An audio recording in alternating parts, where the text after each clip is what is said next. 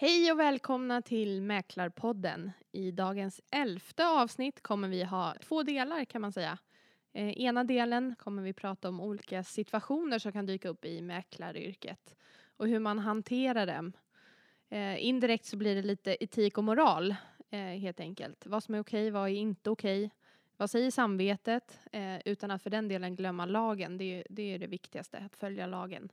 Och i den andra delen så kommer vi prata lite om interna mäklartermer. Vi har berört det i tidigare avsnitt och eh, ibland kan man behöva eh, sammanfatta lite interna termer som är bra att ha med sig.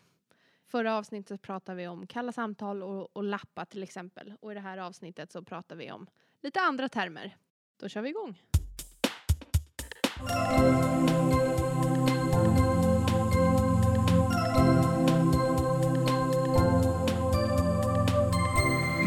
Mäklarpodden sponsras av Mäklarringen. Och då säger jag välkomna till dagens gäster Tony och Andreas. Välkomna. Tack så mycket. Tack. Eh, ni är ju båda mäklare och har stor erfarenhet inom detta. Andreas, du har ju varit med i några avsnitt i podden innan och du har ju blivit min sidekick här kan man säga, eller partner in crime. Väldigt glad att du är tillbaka. Det känns tryggt. Hur känns det här ämnet spontant? Eh, Nej men det blir spännande, det blir kul. Ja. Och Tony, du har ju varit med i ett avsnitt tidigare. Mm. Hur känns det så här långt? Väldigt roligt och väldigt spännande. Ser fram emot att köra det här också. Ja, härligt. Eh, en liten recap då. Kan ni berätta lite kort om er själva och hur länge ni har jobbat som mäklare? Eh, ja, som sagt, jag heter Tony och är 27 år och har jobbat eh, som mäklare i snart fem år. Och jag kör i Spånga, Kistaområdet och är också kontorschef. Eh, Jag heter Andreas, jag är 25 och jag har jobbat i fem år. Eh, Jag kör norra sidan eh, från Danderyd bort till Åkersberga. Jag är också kontorschef och mäklare. När ni hör ordet etik och moral eh, kopplat till mäklaryrket, eh, vad är spontant den största utmaningen kring det? Finns det någon specifik situation ni, ni brukar ställas inför? Ja, det finns väl många situationer som, som uppkommer. Så, men just etik och moral, ja det handlar väl mycket om, om att vi har ju en fastighetsmäklarlag som vi följer. Det gäller ju att se till att man inte går för långt så att säga. Och det är olika situationer som kan uppstå som man, eh, som man måste tänka sig lite för. Det svåra med det, det är väl egentligen alltså när etiken och moralen någonstans krockar med lagen. Alltså lagen säger en sak, men samvetet och hur man kanske vill sköta affären säger något annat. Man kan ställa sig inför situationer där det är mer liksom mänskligt rätt att göra på ett sätt medan man inte får göra det kanske för lagen. Jag har väl ingen direkt situation så som jag kan ta upp på en gång men det, ibland så kan man komma i sådana situationer där det känns fel att göra på ett sätt fast man måste göra det för att följa lagen till exempel. Kan ni ge spontant eh, ett exempel på några situationer ni brukar ställas inför i praktiken? Ja, jag skulle vi kunna säga eh, till exempel budgivningar brukar ju oftast hända lite saker. Det kan till exempel vara så att man har fått ett bud, eh, säljaren accepterar det, eh, vi planerar kontraktskrivning samma dag, dagen efter. Eh, sen kanske i sista sekunden så kan det komma in ett bud, eh, vilket vi är skyldiga då att framföra till, till säljaren. Eh, och där är, det också lite, det det, man har ju lovat köparen, säljaren har accepterat det, men där har vi fastighetsmäklarlagen att vi måste framföra det. Och där oftast blir, uppstår det väldigt mycket problem med, att eh, till exempel skulle säljaren nu acceptera det nya bud som har kommit så blir det oftast eh, arga miner och, och mycket, mycket problem. Eh, men det är ju samma sak där, det känns fel men man måste göra det. Eh, och det är någonting som, som vi måste följa. Mm. Andreas, har du någon situation? Eh, nej men det kan ju vara så att en köpare som har lånelöfte klart och beviljat från banken vinner en budgivning och skriver ett kontrakt. Och när kontraktet är skrivet så är det juridiskt bund- bundet och så visar det sig några dagar efter att nej men finansieringen gick inte igenom hos banken ändå efter nästa prövning. Den är svår att hantera. Mm. Ja, fy vad jobbigt. För kunden, tänker jag. Lite pinsamt nästan. Ja, men samtidigt så man går till banken och du får ett lånelöfte och då sitter du i tron om att det gäller. Och sen när man tittar på det, det gäller ett halvår och saker och ting kan hända på det halvåret och sen så när man kollar på situationen som personen har igen så kanske saker och ting har förändrats som köparen kanske inte har tänkt på spelar någon roll men som gör i slutändan att han inte får igenom finansieringen i alla fall. Och han är juridiskt bindad av ett kontrakt och så kan han inte köpa det. Det kan ju ställa till jättestora alltså öden för honom. Mm. Jag tänkte det där eh, du sa Tony om, om ett nytt bud. Det var faktiskt en av mina frågor här att det kommer ett nytt bud en kvart innan du ska skriva kontrakt. Ja. Och så tänk om det är ett skitbud verkligen. Det är, nu är det väl sällan någon gör det. 500 kronor. Mm. Du måste ju ändå framföra det, men det tar emot. Precis, det tar emot väldigt mycket för att man har ju bearbetat kunden redan och man har bestämt och man förbereder sig mentalt och eh, allt är ju i princip klart. Men det är ju så, vi måste ju följa lagen eh, och den finns ju där för en anledning. Mm. Eh, men det, det är klart, det är där vi mäklare, det är därför vår roll spelar stor roll. Alltså vi har en stor roll i det. Eh, vi får ju ta skiten så att säga. Vi får ju göra de tuffa situationerna. Men det är klart, eh, man har ju olika förhållanden med varje kund så att säga. Och det, det, det handlar om att veta vad den kunden vill också. Så ibland är det ju så att de har sagt redan att ett sånt här bud kommer jag aldrig acceptera.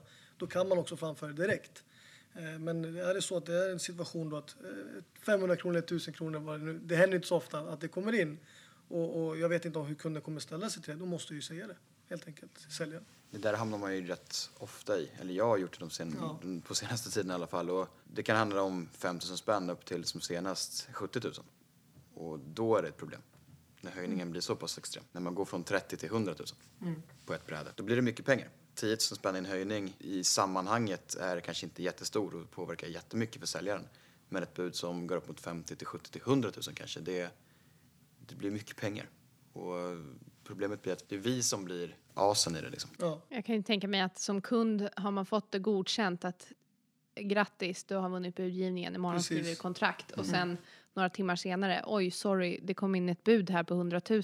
Jag skulle ju bli jättemisstänksam. Ja men så är det ju såklart, men där får man ju vara noggrann. Jag brukar alltid, om jag bokar ett kontrakt, alltså huvudregeln som jag har det är att jag brukar försöka skriva kontraktet från det att budgivningen har slutat och samma dag. Ja. För att minimera liksom den risken. Men måste jag vänta ett dygn så, så försöker jag informera den blivande köparen väldigt noggrant eh, att jag måste framföra alla bud som kommer in innan kontraktet är skrivet och att det är inte klart förrän vi skriver kontraktet. Säger man det innan så brukar, brukar man liksom få en viss förståelse för det men det är ingen garanti för att man inte får en arg köpare. Nej, så är det. Och det, det, jag håller med. Det är likadant. Eh, Men oftast har det hänt ändå. Då blir de ju arga. Ja, ändå, så, så är det ju. Eh, Men vårt jobb är ju att, att berätta hur det går till. Och det tycker jag är väldigt viktigt att man gör det också. Ibland kanske människor glömmer bort det och man har inte framfört det. Men, men det är väldigt viktigt. Och det är där vår erfarenhet kliver in. Att får man ett bud och allting är klart då får man nog se att allt kan hända. Och det är därför vi också skriver kontrakt så fort som möjligt. För båda skull. Och då säger man det att, att man sätter lite press på att skriva kontraktet på, på både köpare och säljare så brukar det samma sak. Och hitta en tid samma dag blir inte lika svår. Nej. Om du säger att det är inte bundet, du har inte köpt huset eller lägenheten förrän kontraktet är påskrivet. Då känner kanske köparen att shit, nu måste jag ta ledigt en halvtimme, timme från jobbet för att gå och skriva det här för att jag vill ha det. Än att om man inte säger det så tycker man, det, är, alltså, det minimerar risken för att få skjuta på ett kontrakt. Det är, men budgivningsstrul är ganska vanligt. Jag tror att det är det vanligaste dilemmat vi hamnar i när det kommer till moral och, och de sakerna. Och då, där har vi som sagt en lag att följa och vi måste göra på ett speciellt sätt. Man har ju hört sådana här skräckhistorier där en kund eh, lägger ett bud, vill verkligen ha bostaden och sen är tvungen att hoppa på ett flyg till exempel. Ja. Och inte Ja. tillgänglig på ett antal timmar. Det hinner ju hända jättemycket på de timmarna och kanske landar och bostaden är såld. Ja. Och i värsta fall så är den kunden kanske inte på väg hem med flyget utan på väg bort. Ja, och då har man fullmakter och, och så vidare som vi mäklare får lösa på bästa sätt. Ja. Och det är det vi försöker göra. Att, eh, ibland, det händer väldigt ofta att den kunden inte kan närvara Ja. av olika anledningar. Då får ju vi framföra eh, de alternativen man har. Och ibland går det inte, då kanske det tar en dag tills den kommer. Och då eh, spelar det här roll att man säger att vad som helst kan hända. Och så är det ju. Vi gör ju allt vi kan, men vi kan ju inte tvinga. Apropå det, eh, så just att det är så tajt mellan kanske sista budet och kontraktskrivning. Har ni fått springa ifrån eh, något roligt event, en fin middag eller fest till och med för att skriva kontrakt? Absolut. Ja, det händer absolut. Många gånger. Det händer. Ja. Många gånger. Det är som idag till exempel. Jag ska gå på bio men nu kan jag inte det. Så får jag skriva kontrakt. Ja. Men det är klart, det är, det är först och främst jobbet för mig i alla fall. Men det är därför man blir det. Jag tror att du har ju fattat det här, precis som de flesta framgångsrika fastighetsmäklare gör, att det är inte ett yrke i grund och botten, utan det blir ditt liv till slut. En livsstil ja. Och det, då får man, det är ju flera gånger man har liksom bokat med, med familj och vänner som man får boka av eller komma sent. Och det är rätt jobbigt tills då att de man har bokat med har fattat att man sitter i den situationen och liksom förstår situationen man har. I början var det ju svårast när man alltid var sen eller liksom aldrig kunde riktigt planera. Men eh, ju mer förståelse man får från familj och vänner, ju enklare blir det ju. Som biopartnern som får sitta själv. Ja, men typ. exakt. Han vet vad jag jobbar med så att han, eh, han är införstådd med vad som kan hända. Det blir en, får bjuda på middag och ta en ny bio istället. Ja, Som jag får bjuda på bio nästa gång. Ja, men exakt. Helt enkelt. Det blir ju så. Vi har pratat om det lite grann, men vad, vad är en korrekt hantering av en budgivning? Att sköta den som, som man bör, att framföra alla bud som man får in innan kontraktskrivning och göra köparen, eller den blivande köparen medveten på att alla bud före kontraktskrivning måste föras fram till säljaren och det är säljaren som fattar alla besluten. Och göra det tydligt att man inte, alltså muntliga avtal gäller inte vid, vid fastighets och lägenhetsaffärer. Bara för att säljaren har sagt att jo men vi accepterar ditt bud och du får skriva kontrakt så betyder inte det rent juridiskt att det måste bli så. Utan får jag ett högre bud innan kontraktet är skrivet så måste jag föra fram det till säljaren för att låta han eller hon fatta alla beslut. Mm. Och det, det jag håller helt med och det, det gäller att anteckna, föra journal och, och, och se till att kunderna, alla spekulanter och även säljaren förstår hur det går till. Eh, och det är ju som, som Andreas säger, det, det, det är alltid säljaren som bestämmer. Vi förmedlar bara. Och det är många som inte förstår, de tror vi har en hand i det hela. Och, då är, och det är ju samma sak, säger de ja och sen ändrar de sig, ja men då är det så. Eh, Tyvärr. Eh, det är klart att det inte är kul och, det vill vi inte vi heller. Eh, men, men det sker och därför är det väldigt viktigt att vara tydlig med hur, hur budgivning går till och ge dem fakta på olika sätt. Ja. Och i stökiga budgivningar så är ju budhistoriken extremt viktig Ja. att kunna lägga fram. För det kan ju faktiskt bli så att den personen som har lagt högsta budet blir väl lovad och får skriva kontrakt dagen efter men har blivit överbjuden kanske till, kommer tillbaka med tillbud. Och då är det rätt viktigt att kunna påvisa vem eller, alltså vem eller vilka det är som har lagt budet som kom däremellan så att de inte tror att det är någon, att vi har gjort någonting. För att Man- i slutändan så är det alltid det är säljaren som betalar vår provision. Och då kan liksom, gör man inte på rätt sätt och är jävligt noggrann med det där så då kan det bli problem. Ja. Får man lägga vilket bud man vill? Får Ja. man lägga fem kronor? ja, du får lägga precis vilket bud du vill. Men det är inte vanligt. jättevanligt att man får bud under 5000 eller 10 000 spänn. Det är inte jättevanligt. Jag har fått ett på 1000 en gång. Men det är bara att framföra och, och, och föra journal på i. Och som sagt, det är ju inte vanligt för det kanske är så att lägger man fem kronor så kanske inte säljaren tar den spekulanten seriös. Så är också, inte jätteseriöst. nej. Så det händer ju inte ofta, men ja, du får lägga vilket bud du vill i, i praktik. En annan situation man kan ställa sig inför det är ju gentemot konkurrenter eller branschkollegor kanske man ska säga på ett finare sätt. Det är att de ber om kunduppgifter. Hur agerar ni då? Om en eh, konkurrent ringer och säger hej jag har en, den här villan och du hade en liknande villa förut som såg likadan ut. Har du några köpare till mig? Jag har hamnat i den situationen väldigt fåtal gånger, men det händer. Jag brukar inte lämna ut mina spekulantregister till mina konkurrenter. Men däremot så brukar jag tipsa, mina, tipsa mitt spekulantregister om den här villan. För det kan vara så att den personen, eller de personerna som jag har i mitt register har någonting själva de vill sälja som jag har uppdraget på till exempel. Och jag vet att de söker den här typen av boende. Och då, då brukar jag göra det som en service för mina, för mina säljare. Men det, jag tror det är vanligare att för mig är det vanligare att jag ringer till mina konkurrenter och frågar om de har några objekt för att jag har köpare. Säg att det finns en köpare som jag har uppdrag på som ska bli min säljare som söker ett specifikt boende i ett område och jag vet att en konkurrent har ett sånt till salu. Då brukar jag ringa upp den personen och prata med den. Så brukar man kunna sammanstråla på en visning. Det är nog vanligare tror jag. Jag har inte lämnat ut några kontaktuppgifter eller personuppgifter från mitt i alla fall. Tony? Eh, Jag, jag, jag stämmer helt med. Jag, jag vill inte dela med mig sånt där utav många anledningar. Eh, som sagt. kunder är dina kunder? Mina kunder är mina kunder. Jag som har bearbetat dem, det är jag som har jobbat med dem. Sen kanske det är lite personuppgiftslagen måste man väl ändå säga. Så om man mot förmodan skulle göra det så vill man ju eh, berätta för, för kunden att man gör det. Eller fråga om lov snarare. Absolut, men grejen, jag tror inte att det där är jättevanligt för att jag tror att de, alltså mitt spekulantregister och mina konkurrenters spekulantregister, jag tror att det är exakt samma. Jag tror inte att det är, jag tror att alla har ungefär samma personer i sitt spekulantregister i och med att de söker specifika boenden och då antingen hittar man det själva på Hemnet eller så kontaktar man varenda mäklare som finns på den orten man letar. Har ni någonting på det och det området? Så jag tror inte att de är unika på något vis. Tror jag inte. Vi pratade lite om det förut, men en situation eh, som man kan eh, ställa sig inför är om en säljare eller köpare vill avbryta köpet. Eh, vi pratade innan om att man kanske inte får sitt lånelöfte, men man har signerat kontraktet. Eh, kan man avbryta köp? Som köpare är det lättare än säljaren. För köparen har ju om de vill 14 dagars besiktningsklausul på Oftast. fastigheter. Ja, om man vill har man rätt till att besiktiga både lägenheter och fastigheter i två veckor. Och då kan man ju använda den. Om För- man har använt det. Såklart, om du gör en, men det är ett ganska billigt sätt för dig istället för att betala ett skadestånd på ett kontraktsbrott som det blir om du inte nyttjar den. Så är det billigare för dig att betala tids och spännande vad det kan kosta för en besiktning och sen motivera det med att nej men besiktningen följer inte mig i smaken så att jag vill frånträda köpet. De måste ju aldrig gå in och motivera på djupet varför utan det är slarvigt sagt ett öppet köp på 14 dagar. Om man nyttjar besiktningen. Om man inte gör det så är det ju mycket krångligare. Då är det ett kontraktsbrott och då är det skadestånd och det är... Ja. Om man inte på något sätt, vilket faktiskt har hänt mig också, att, att eh, den köparen har kanske ångrat sig om man säger så och försökt få mig att förmedla det till säljaren, då har det faktiskt hänt väldigt, väldigt sällan att säljaren har sagt okej. Det är väl det enda sättet för, att slippa skadestånd och så. För har du signerat kontraktet, då är det ditt ansvar att gå igenom med din bank, med ditt lånelöfte eh, och se till att allting är rätt. Sen vad som händer kanske inte är ditt fel, men, men det är ju inte säljarens fel heller. Det blir inte ditt fel men det blir ditt problem. Det Om problem, man, alltså, exakt. Det blir det som ja, är... Och då blir det ju ett kontraktsbrott, så att säga. Om säljaren ångrar sig då? Det är svårare. Jag vill inte flytta. Nej, det Nej, har han skrivit på kontraktet Ja. så, så är det bindande. Liksom. Ja. Ja. Det är svårare. Säljaren kan ju säga samma sak till oss. Jag har inte varit med om det, men samma sak som Tonys kunder att "Nej, men jag vill inte flytta, jag har ångrat mig. Liksom.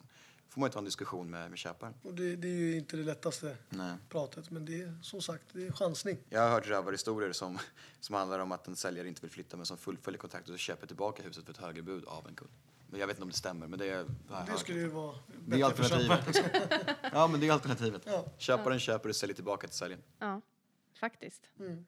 Det är det Eh, alternativet som finns. Och annat då en, en köpare som inte eh, har möjlighet att köpa får ju chans att sälja om det. Ja. Egentligen. Ja, visst är det så. Om det inte hit, går att hitta en lösning innan. Problemet där blir väl att han kanske är rädd för att förlora pengarna på det. Mm. Det är inte garanti på att han kan få, få, få betalt tillbaka samma peng som han köpte det för. Mm. Så är det. Men jag har faktiskt varit med om det i praktiken. En bekant köpte ett hus, ångrade sig, ville inte köpa. Men var ju tvungen att fullfölja det. Väntade några månader, eller någon månad. Eh, De hade ändå råd att göra det får man väl säga. Ja. Eh, kunde snabbstyla då istället. Och sen fick de en halv miljon vinst istället. Tur och oturen. Några månader senare. Ja. Tur är oturen får man säga. Ja. Verkligen. Vart det bra för? Ja. Men det här blir ju extra tydligt för mig i alla fall varför man vill ha en mäklare eh, och inte sälja själv. Just för Ja. att alla situationer kan uppstå. Så är det Det är värt, alltså det, man, alltså det är som vi har gått igenom tidigare, att man ska sälja med en mäklare. Det finns en anledning till att vi finns och det finns en anledning till att man utbildas och man går långa utbildningar för att bli det. Mm. Och det uppstår situationer och då kan man skönt släppa ta det själva faktiskt. Det är en ganska billig försäkring om man ser vårt arvode gentemot vad som kan hända. Och vad det skulle kosta med advokatkostnader och runt omkring om man skulle skita sig. Tyvärr är det så att det, det, kan, det sker oftast eh, många hinder på vägen. Ja. Och det är därför vi är, vi är ju experterna på det. Det är därför folk anställer oss, för att vi ska underlätta hela affären. Eh, som sagt, som Andreas säger, det är, en, det är en billig försäkring för att slippa stora problem helt enkelt. Mm. Apropå avbryta köp. Men vad händer om, om säljaren dör? Om man dör innan han skriver på en mäklare så är det ingen som har uppdraget. Så då är det ju dödsbot som är över huset eller lägenheten. Mm. Och skulle det vara så att han har skrivit på ett uppdragsavtal med mig som mäklare så gäller ju uppdragsavtalet. Ja. Och skulle det vara så att han har skrivit på ett köpekontrakt så gäller det fortfarande. Enda skillnaden blir att pengarna går in i dödsbot. Men tillträdet kan inte ske förrän dess att bouppteckningen är klar. Så det är lite mer juri, juridik bakom Det det. tar lite längre Det tid. tar längre tid men det går. Ja, och massa saker man måste gå igenom. Men, men det går. Lös det problemet utan mäklare. Precis. Ja, det är bra där. Om köparen dör då? Är det samma process? Tvärtom. Ja. Alltså dödsbot går in och får fullfölja. Mm. Det här är en speciell fråga, men självmord kan ju ha hänt. Om, om man säljer en bostad där ett dödsbo då säljer bostaden Mm. och den som har dött i bostaden har tagit självmord, måste man informera om det? Men en sån där fråga till exempel skulle jag eh, som Moraliskt sett, alltså, det- ja. eh, först och främst ta reda på lite juridiskt. Ja. Om, jag måste säga, för det är en väldigt känslig sak. Självklart är det så att vi vet om det och vi måste se det, ja, men då, är det ju så.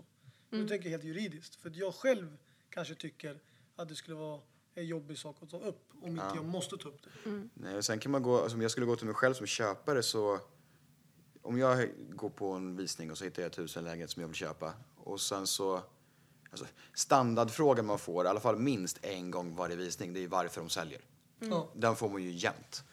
Och skulle jag då som köpare ställa den frågan och få höra det att nej men han har tagit livet av sig i lägenheten. Jaha okej, var? Ja, där. Och så pekar man på ett hörn. Ja, men jag vet inte om jag skulle vilja bo i den lägenheten liksom. Mm. Där, där kommer man till eh, lagen då. Måste vi säga det? Ja, då, då säger vi det. Men det är klart att man...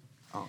Det finns ju mycket som man kan säga om, om varje person som bor där. Eh, som sagt, men det här är ju en, ska, jag tror i alla fall, en väldigt känslig fråga. Och där, det handlar mer om, måste man då får man göra det helt enkelt. Moraliskt så borde man väl kanske också säga det. Jag vet inte. Jo, Det- det, det är borde man ju. svårt. Det, är- det är en svår fråga. Det är en jättesvår fråga. Det är ju både och kan Ja. jag tycka. För det är lite det där ordspråket, det man inte vet mår man inte dåligt av. Nej. Nej, men samtidigt, Ja. det är ju samtidigt, om det är... Men tvärtom, det du vet kan du må dåligt av. Ja. Ja, och det du inte vet mår du inte dåligt av. Nej, sant, men säger lagen att det går under vår upplysningsplikt så måste vi göra det. Ja, Så är det ju. Det är både och, det är en avvägning det där. precis. Ja. Dödsbon talar jag alltid om vad det är, för det kommer ju alltid stå på kontraktet sen att det är dödsbo som säljer.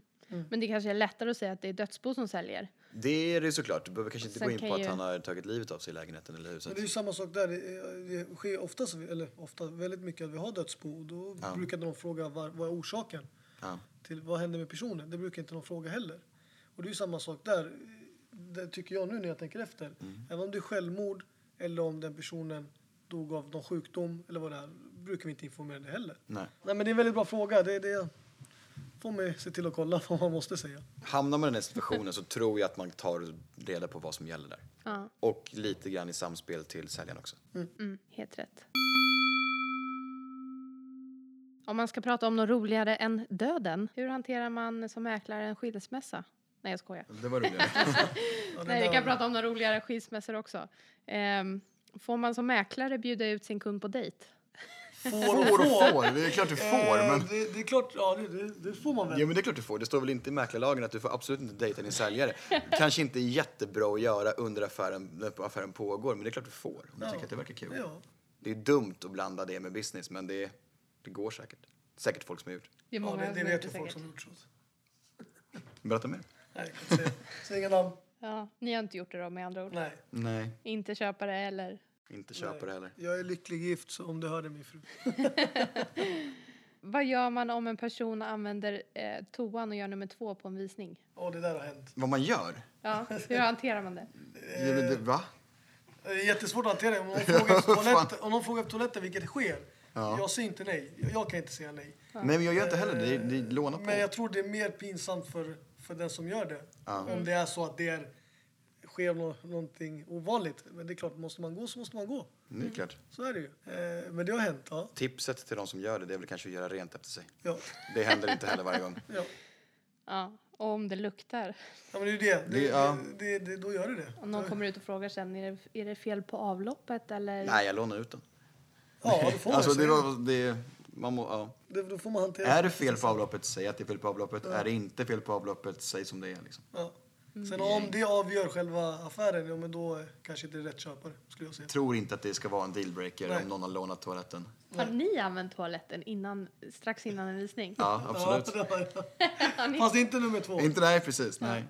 Det, det är faktiskt sant. Men, Nej, är men, men, eh, nummer ett, ja. Ja, ja, lätt. Och efter. ja. Ja, men vadå? Sluta skratta. Du vet ju själv vad som händer. nej, jag, jag, jag, jag, jag, Man vill inte stå på en visning eh, kissnödig som, som fan Nej. och så kan man inte ens prata. Så Nej, det, då nej, blir man stressad. Det är inget bra. ja, den har ingen lag, brukar jag säga. nej, precis. Men eh, såna här andra roliga saker då? Jag, jag kan ju få så här tvångstanke om man ser en nybäddad nice säng, att man bara vill provslänga sig i den. Har ni gjort det? Nej. Nej. inte, för då vet att vi måste göra om den. Ja. Det kommer längre tid. Nej, men det är klart att man har varit i lägenheter och hus som man vill ändra på eh, Mm. av olika anledningar.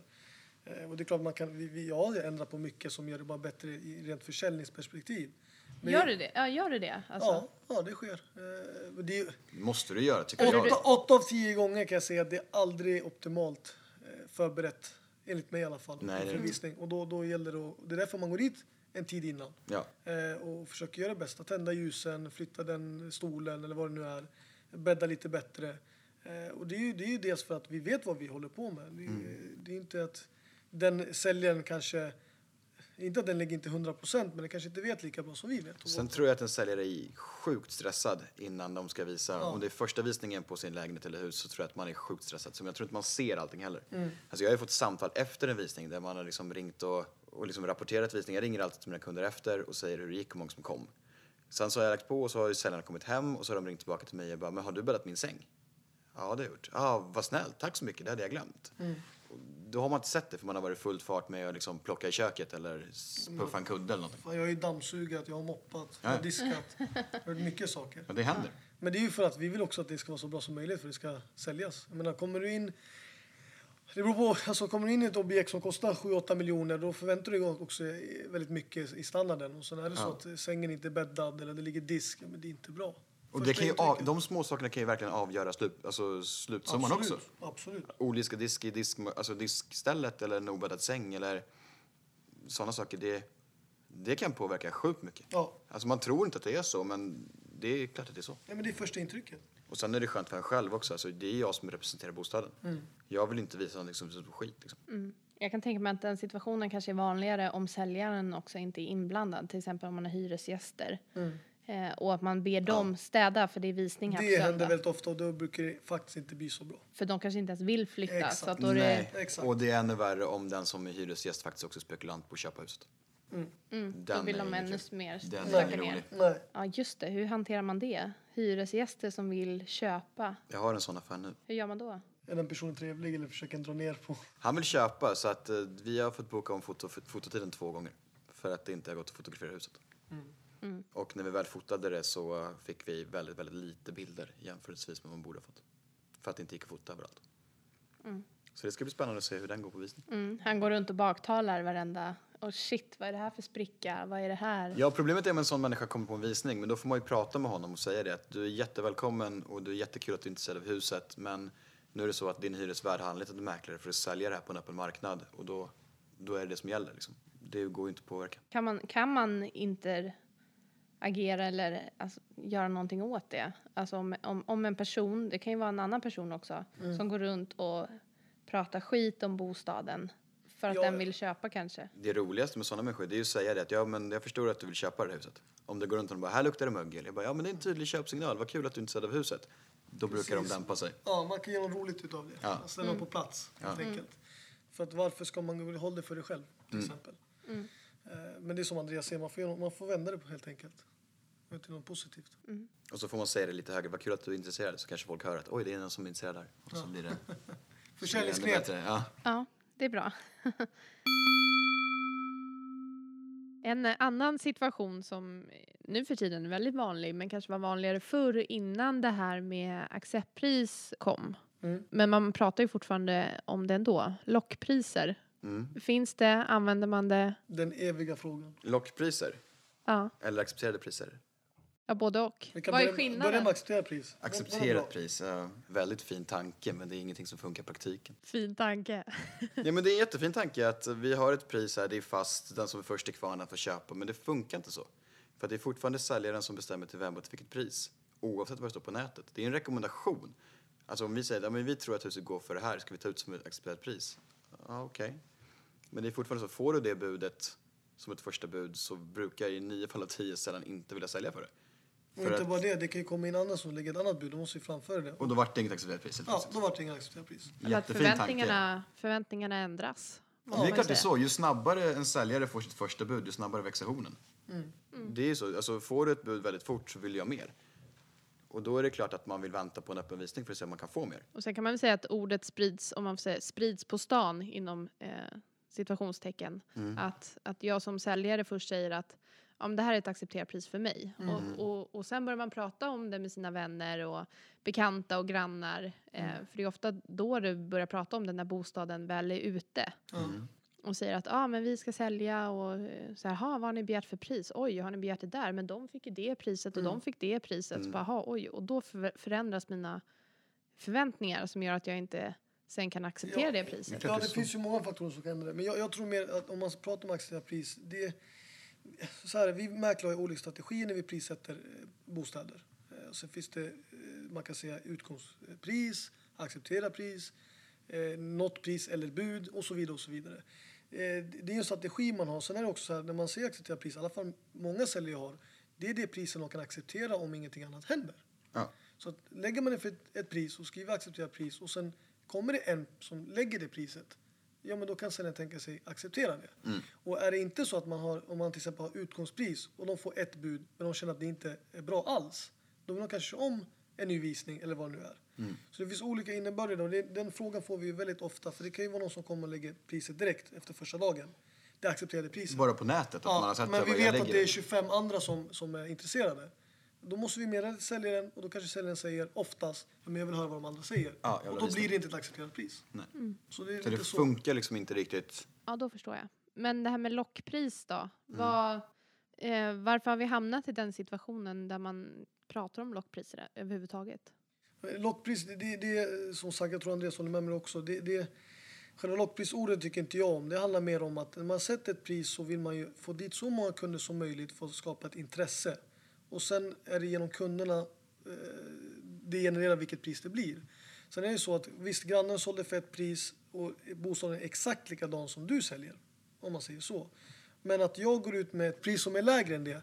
Eh, så, så, här är det kanske vad jag tycker den är värd eller eh, vad säljaren förväntar sig. De kanske inte förväntar sig likadant. Men då uppkommer det här ordet lockpris. Och det är då många ringer in och säger men varför lägger ni den en halv miljon under vad grannen fick? Ja, Kan, det där kan ju vara ganska intressant, för det kan vara så också när vi pratar om accepterade priser och lockpriser att säljaren kanske sitter i den positionen att han måste sälja fort. Ja. Och då säger han, men ta ut en halv miljon under så vet vi att vi får det sålt. För då har vi liksom, om grannen sålde för två miljoner, men jag måste sälja nu. Jag är jättestressad, jag måste liksom... Och då tar man ner det på en nivå där säljaren tycker att ja, men jag vill ha en snabb affär, jag är beredd att släppa den för en och en halv kanske. Ja, då tar man ut den för en och en halv miljon. Och då tycker folk att ja, men varför tog du inte så lågt när grannen fick så mycket mer? Fast det är motiverat av att säljaren måste sälja fort och att säljaren sitter i en knivsituation och att han kanske nöjer sig med det. Alla människor drivs inte av att få så mycket pengar som möjligt heller. Och jag kan ju tänka mig också situationer med unika objekt. Mm. Där kanske det är svårare med värdering eller man vet att eh, med alla faktorer att det, det är värt det här. Mm. Men sen så kanske skapas en hype som man inte räknar med. Mm. En gammal skola eller en eh, specialbyggnad, en brandstation. Man kan ju ingen aning. Det kanske är ingen som är intresserad av att bo i en gammal brandstation. Eller så blir det är alla världens det. hype. Ja. Och det har du ingen aning om och då bara puff, stiger Ja. priserna. Så är det. Sen så, det, vi, vi lever i en, en rätt snabb marknad nu också. Och det är väldigt lite bostäder ute och väldigt mycket köpare. Och då blir det automatiskt höga budgivningar. Det är ju liksom fakta. Men jag tror också lockpris, eh, vad som är lockpris, jag tror det handlar om, du pratar om någonting som är unikt och som kanske är nytt och som att vi lägger ut första gången på marknaden. Men jag tror lockpris är mer vad folk tänker är att om grannen har sålt exakt likadan och du går ut under den, Ja. men kanske till och med är bättre än andra. Då tror de att, då, då är det det de kallar för lockpris. Men det är olika situationer, olika faktorer för säljaren och vad det nu är. en situation man kan hamna inför är just det här att man kanske inte gillar köparen eller man får en bad feeling. Eh, man kan inte sätta fingret på det, men, men så här, hur hanterar man det? Kan man rekommendera en säljare att den här köparen är suspekt eller inte? Vad, vad gör man? Vad får man inte göra? Alltså, vi ska ju verka opartisk, som en opartisk mellanhand mellan köpare och säljare. Eh, så att inga rekommendationer från vårat håll. Däremot har jag haft säljare som frågar vilka budgivarna är. Eh, och för det kan finnas, finnas kopplingar mellan en blivande köpare och en säljare där säljaren spontant känner att säljaren vet om vilka de här personerna är. Att säljaren känner till budgivare nummer ett och de två inte, att säljaren själv medvetet inte vill sälja till budgivare nummer ett. Så han har ju rätt att välja budgivare nummer två. Men jag ska alltså, verka opartisk mellan dem. Ja, så vi ska inte, vi ska inte förhindra en affär. Det är det om. Om säljaren specifikt frågar Är den här oss? personen med liksom? Eller eh, vilka eller buder? vad det nu är, ja men då kan vi väl säga vad vi vet helt enkelt. Ja. Så lite så är det. Och som sagt, vilka person, personer är med i budgivningen? Ja, det är de här personerna. Mm. Okej, jag vill inte sälja till den där människan på grund av det här och det här. Ja, men det är väldigt vanligt att till exempel en barnfamilj som säljer frågar om den som vill köpa också är en barnfamilj. Ja. Så där till exempel, det, det händer ofta. Ja. Vad Bra. Är det några andra situationer eller tankar kring det som, som vi inte har tagit upp hittills? Nej. Som ni kommer att tänka på? Nej, det finns massor men det Ja. ingenting specifikt. Nej, det får vi lämna till nästa poddavsnitt. Ja, Mm, kan vi göra. Nu tänkte jag att vi skulle prata lite om interna mäklartermer. De där ute hör ju säkert att ni slänger er med vissa ord. Jag hörde innan till exempel tillträde och mäklarjournalen och så vidare. Så jag tänkte att vi skulle reda ut några sådana. Vi har gjort det i tidigare avsnitt men jag tror att det är en bra inslag ibland att, att eh, reda ut några sådana ord. Ja. Till exempel, vad innebär att förbereda ett tillträde? Att förbereda tillträde det är ju efter man har haft eh, visning, eh, kontraktskrivning eh, och klar med alla villkor och allting eh, ja, är klart då för att, man ska, för att eh, köparen ska flytta in och säljaren ska flytta ut. Så eh, gör vi, vi mäklare, vi förbereder ju alla dokument. Eh, vi förbereder eh, det lån till exempel säljaren ska lösa. Eh, vi bokar tid för tillträde med köparens bank. Det är många detaljer vi gör, men det, det är ju förbereda den dagen som vi har bestämt alla parter då, när, de ska, när köparen ska flytta in och när säljaren ska flytta ut. Och sen den dagen vi har tillträde, eh, då skriver man på de resterande dokumenten, gör transaktionen och köparen får nycklarna. Så det är det som är hela bilden av att förbereda tillträde. Mm, Okej, så man möts på banken. Nej. För, förr i tiden eh, tror jag det var vanligt att mötas i banken. Nu gör de alltid det. Eh, ja, nu gör de alltid det. Nu med teknikens under så har vi ju mail och telefon och det underlättar ju. Eh, då kan ju den, till exempel den banken ta emot fler tillträden eh, och eh, vi har, det är lättare för oss att ha det på kontoret där vi har alla papper och alla dokument och alla verktyg vi har för att eh, ta hand om tillträde av hela försäljningen. Då. För det är ju så att eh, när det är tillträde, ibland blir det mycket ändringar, då vill man göra det på plats och det blir smidigare. Eh, Så att förr i tiden var det mer vanligt vid banken. Det händer, det kan hända nu också. Men nu för tiden är det mest banken via telefon och kunderna möts eh, med oss mäklare i kontoret. Det har ju förändrats i takt med att kunderna, alltså gamla generationens kunder hade ju specifika bankkontakter också. Nu finns det ju tillträdesgrupper på nästan alla banker. Ja, Så nu, det, nu har man ju inte tillträdet med en specifik person. Det kan ju hända, men ofta sitter man ju i, i kontakt med en tillträdesgrupp. Alltså både Swedbank med Lending Operations och SBAB med tillträdesgruppen. Så det, det har blivit så. Det har blivit mer digitaliserat. Det är ju skönare för oss. ja Som, det underlättar väldigt mycket. ja, men som du är inne på, det med att man har all dokumentation och alla verktyg på plats hos oss. Det kanske låter jätte, som en jättedum fråga att jag ställer så här detaljerat. Eh, men det är bara för att vara extra tydlig här. Ja. Eh, vilken dokumentation kan man behöva som man inte har fått på kontraktskrivningen? Vad är det för dokumentation ni pratar om? Nej, men det kan med vara tillträde? Avräkningar, köpebrev. Ja, lånet kan ändras, vad det nu är. Eh, Fullmakt att ena parten, om det är två köpare, kanske inte kommer. Måste man skriva en fullmakt.